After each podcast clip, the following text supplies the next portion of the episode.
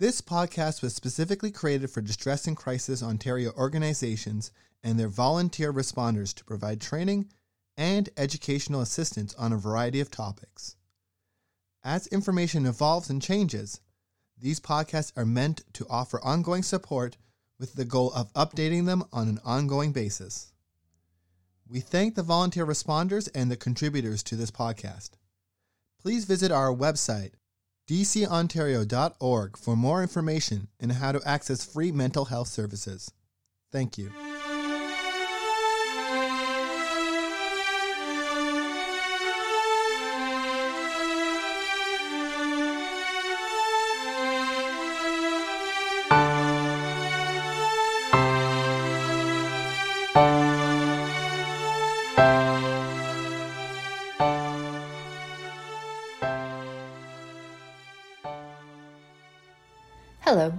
My name is Caitlin Plant, and I am the Program Manager at Distress and Crisis Ontario. Throughout the month of September, we interviewed four individuals, two from our member centers and two from the community, all of whom support First Nations, Inuit, and or Métis communities, to ask for their guidance on issues related to truth and reconciliation and social justice initiatives. Our aim has been to use our privilege to learn, raise awareness, and build relationships for social justice. We hope to improve engagement, provide resources, help build healthy communities, and explore how we raise awareness for social justice in alignment with the United Nations Declaration on the Rights of Indigenous Peoples. Throughout the series, we asked each of our guests what resources, media, and or community initiatives they could suggest for those who wanted to learn more. We've compiled a list of each of these resources, which I will be sharing with you all now. Instead of reading out multiple URLs throughout this podcast, I would suggest you simply Google any of the suggestions that sound interesting to you. For a print version of this list that includes hyperlinks, you can visit the National Day for Truth and Reconciliation post on our website at www.dcontario.org forward slash NDTR 2022. Included in that list are two documents provided from Charity Fleming at Qualia Counseling that are not easily found online. To begin, the following are some websites that you can visit to learn more about the 94 calls to action developed by the Truth and Reconciliation Commission. The National Center for Truth and Reconciliation is a place of learning and dialogue where the truths of the residential school experience will be honored and kept safe for future generations. The NCTR was created as part of the mandate of the Truth and Reconciliation Commission of Canada. The TRC was charged to listen to survivors, their families, communities, and others affected by the residential school system and educate Canadians about their experiences. The resulting collection of statements, documents, and other materials now forms the Sacred Heart of the NCTR. Beyond 94. In March 2018, CBC News launched Beyond 94, a website that monitors progress on the Truth and Reconciliation Commission's 94 calls to action. Beyond 94 was the result of a year's worth of research and interviews with survivors, stakeholders, and all levels of government. The site provides up to date status reports on each call to action, as well as extensive summaries explaining those status reports. It includes in depth features and short video documentaries that tell some of the community stories behind the calls to action. It also features residential school survivors sharing their experiences. Indigenous Watchdog is a federally registered nonprofit which is committed to transforming the reconciliation dialogue between Indigenous and non Indigenous Canadians into action. By curating details from multiple sources, government stakeholders, as well as local and national media, research reports, studies, white papers, statistics, budgets, etc., Indigenous Watchdog will deliver relevant, current information to raise awareness on Indigenous issues throughout an Indigenous lens.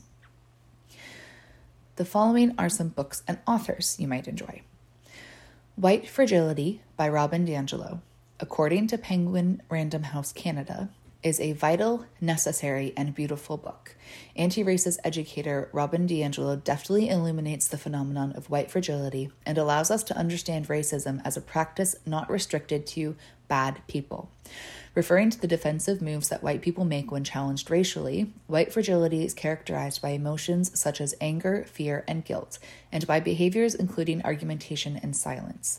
These behaviors, in turn, function to reinstate white racial equilibrium and prevent any meaningful cross racial dialogue.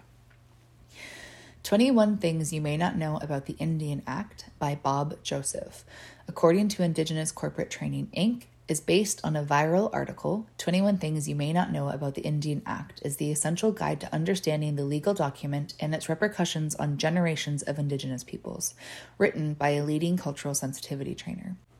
The Indian Act, after over 140 years, continues to shape, control, and constrain the lives and opportunities of Indigenous peoples and is at the root of many stereotypes that persist. Bob Joseph's book comes at a key time in the reconciliation process when awareness from both Indigenous and non Indigenous communities is at a crescendo. Five Little Indians by Michelle Good. According to HarperCollins Canada, this book shares the following story. Taken from their families when they are very small and sent to a remote church run residential school, Kenny, Lucy, Clara, Howie, and Maisie are barely out of childhood when they are finally released after years of detention. Alone and without any skills, support, or families, the teens find their way to the seedy and foreign world of downtown East Side Vancouver, where they cling together, striving to find a place of safety and belonging in a world that doesn't want them.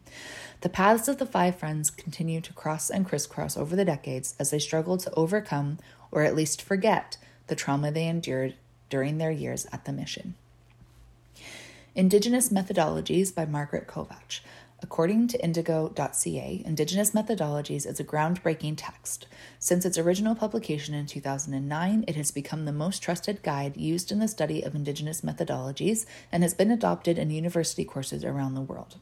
It provides a conceptual framework for implementing Indigenous methodologies and serves as a useful entry point for those wishing to learn more broadly about Indigenous research. The Inuit Way A Guide to Inuit Culture by Pauktuutit Inuit Women of Canada. According to the foreword, the Inuit Way is much more than a simple introduction to traditional Inuit culture.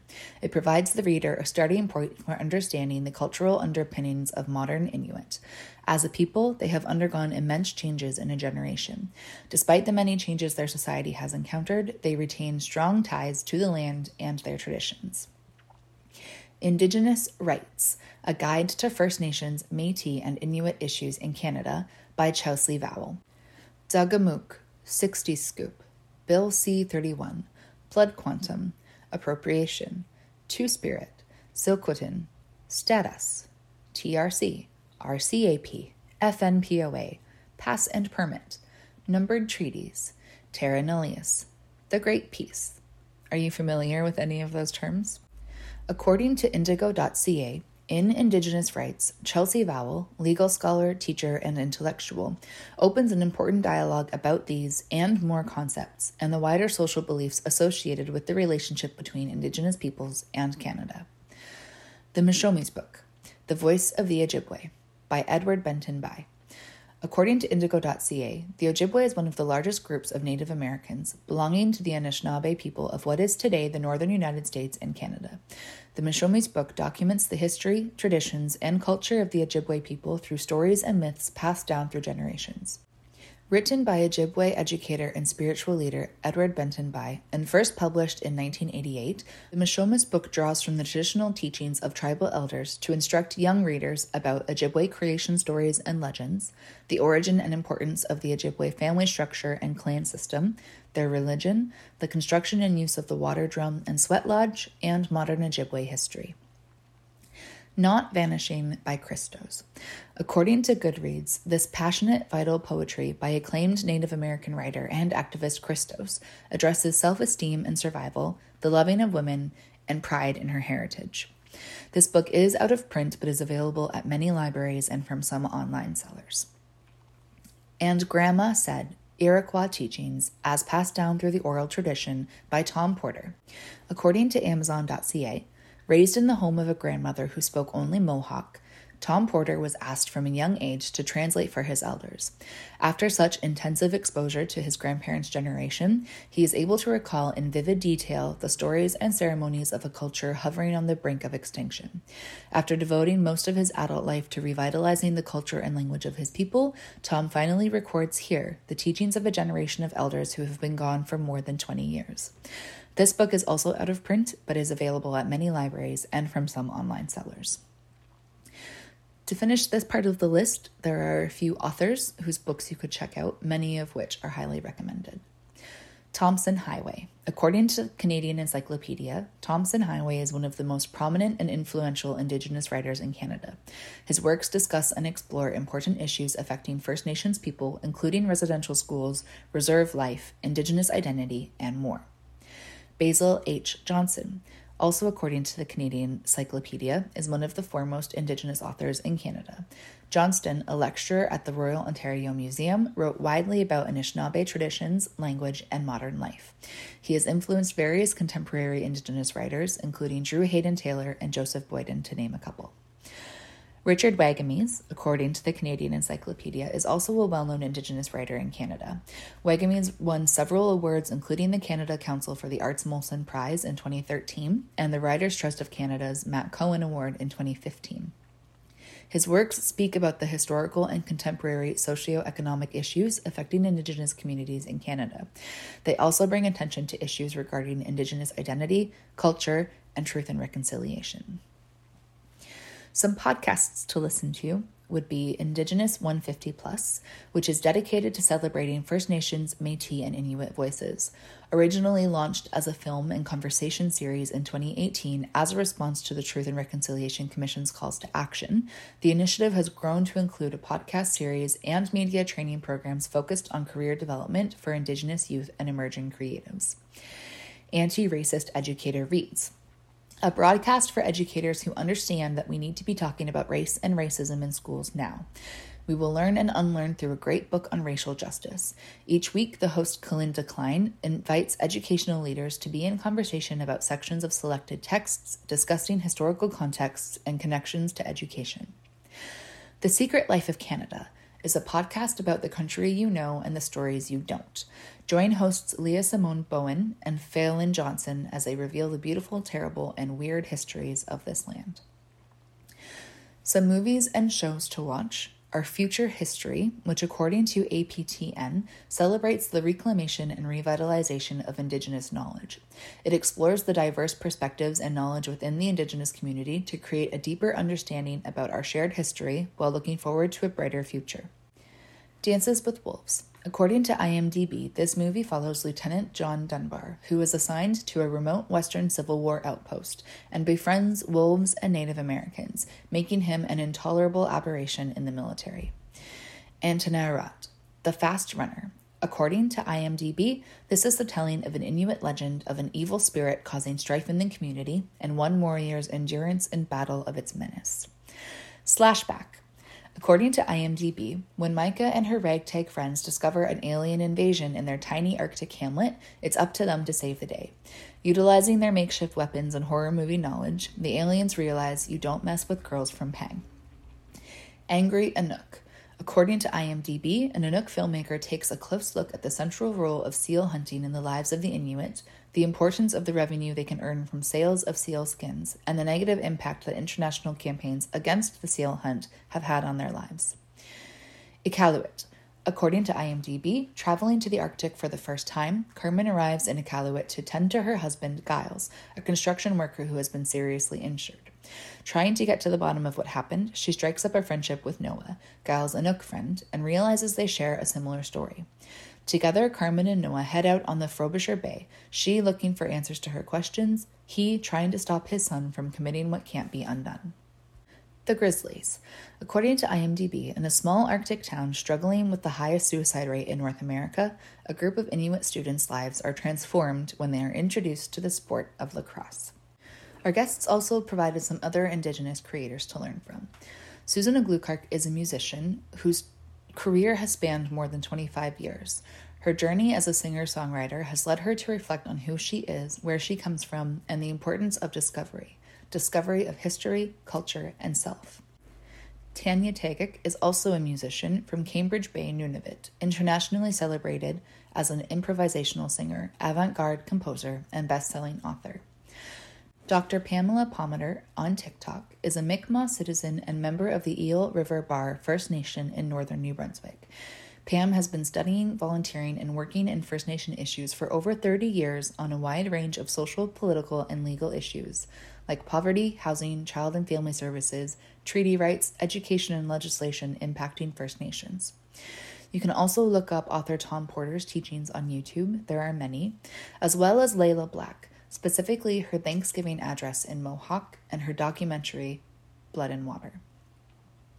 Some other online resources to explore are McGill University's Indigenous Initiatives Allyship Tools, Laurentian University's handout How to Be an Ally to Indigenous Peoples, and Wilfrid Laurier University's Educational Resources for Equity, Diversity, Inclusion, and Indigenization. Some initiatives to learn about and or support are Ohneganos, an Indigenous water research program led by McMaster University professor Dr. Dawn Martin Hill. The program is made up of two main projects co creation of Indigenous water quality tools, and Ohneganos, Indigenous ecological knowledge, training, and co creation of mixed method tools. Crow Shield Lodge is built upon the four pillars of education, providing access to Indigenous worldviews and cosmovisions which are available to people of all nations, healing, Indigenous traditional healing from a holistic approach through sweat lodge ceremony, circles, and land based work, reconciliation, creating the space for meaningful reconciliation between settlers, non Indigenous people living on Turtle Island, and Indigenous nations, and land stewardship, teachings and practices which help us to restore balance to our relationship with Mother Earth. The Ontario Federation of Indigenous Friendship Circles vision is to improve the quality of life for Indigenous peoples living in an urban environment by supporting self determined activities which encourage equal access to and participation in Canadian society and which respect Indigenous cultural distinctiveness. Water First Education and Training Incorporated is one of the top charitable organizations in Canada addressing water challenges in Indigenous communities through education, training, and meaningful collaboration. Water First is guided by the Indigenous youth and young adults who participate in their programs, their Indigenous staff and board members, local Indigenous community partners, and by members of the Indigenous Advisory Council. Their collaboration is built on respect and meaningful partnerships with Indigenous youth and community partners at the heart of their work. The Dreamcatcher Fund by supplying grants to individuals with the goal of developing youth as future First Nations community leaders, the Dreamcatcher Charitable Foundation helps to build a brighter future. They do this with grants available in the areas of education, arts and culture, sports and recreation, and health and medical to foster innovation, creativity, vitality, and knowledge within their communities. The Indigenous Diabetes Health Circle is a leader in delivery of holistic wellness models of care, reflecting body, mind, and spirit to reduce impacts of type 2 diabetes on Indigenous peoples in Ontario and build community capacity in diabetes prevention. And the CAMH Aboriginal Service, which provides outpatient groups and individual counseling to Aboriginal people experiencing substance use and mental health issues, as well as support to clients who are in CAMH inpatient programs. Some other suggestions from our guests are to attend drum dances, powwows, lectures, and see throat singing in your community, to support local agencies providing prevention and support for Indigenous communities, to join clean water committees and groups, donate to food banks that support Indigenous communities, and finally, to support Indigenous initiatives and scholarships at universities and colleges. While we hope these resources provide a good place to start looking for information and opportunities to support Indigenous communities, please keep in mind that this list barely scratches the surface of the information and resources that exist. We encourage everyone to join us in exploring what other opportunities there are in our own communities to support truth and reconciliation, build stronger relationships, and bring forward Indigenous voices. Thank you for listening to this podcast. We hope you have a great week and join us again next time. If you are in need of any support, please remember that ONTX and our member centers are here for you. ONTX is available from 2 p.m. to 2 a.m. Eastern Standard Time daily and can be accessed from any page of our website or by texting the word support to 258 258. You can find a list of our member centers on our website at www.dcontario.org forward slash locations, and many of our members operate 24 7. As always, if you have any feedback or concerns, we would love to hear from you. You can find the link to our feedback form in the show notes. Thank you again for listening. I hope you have a great week.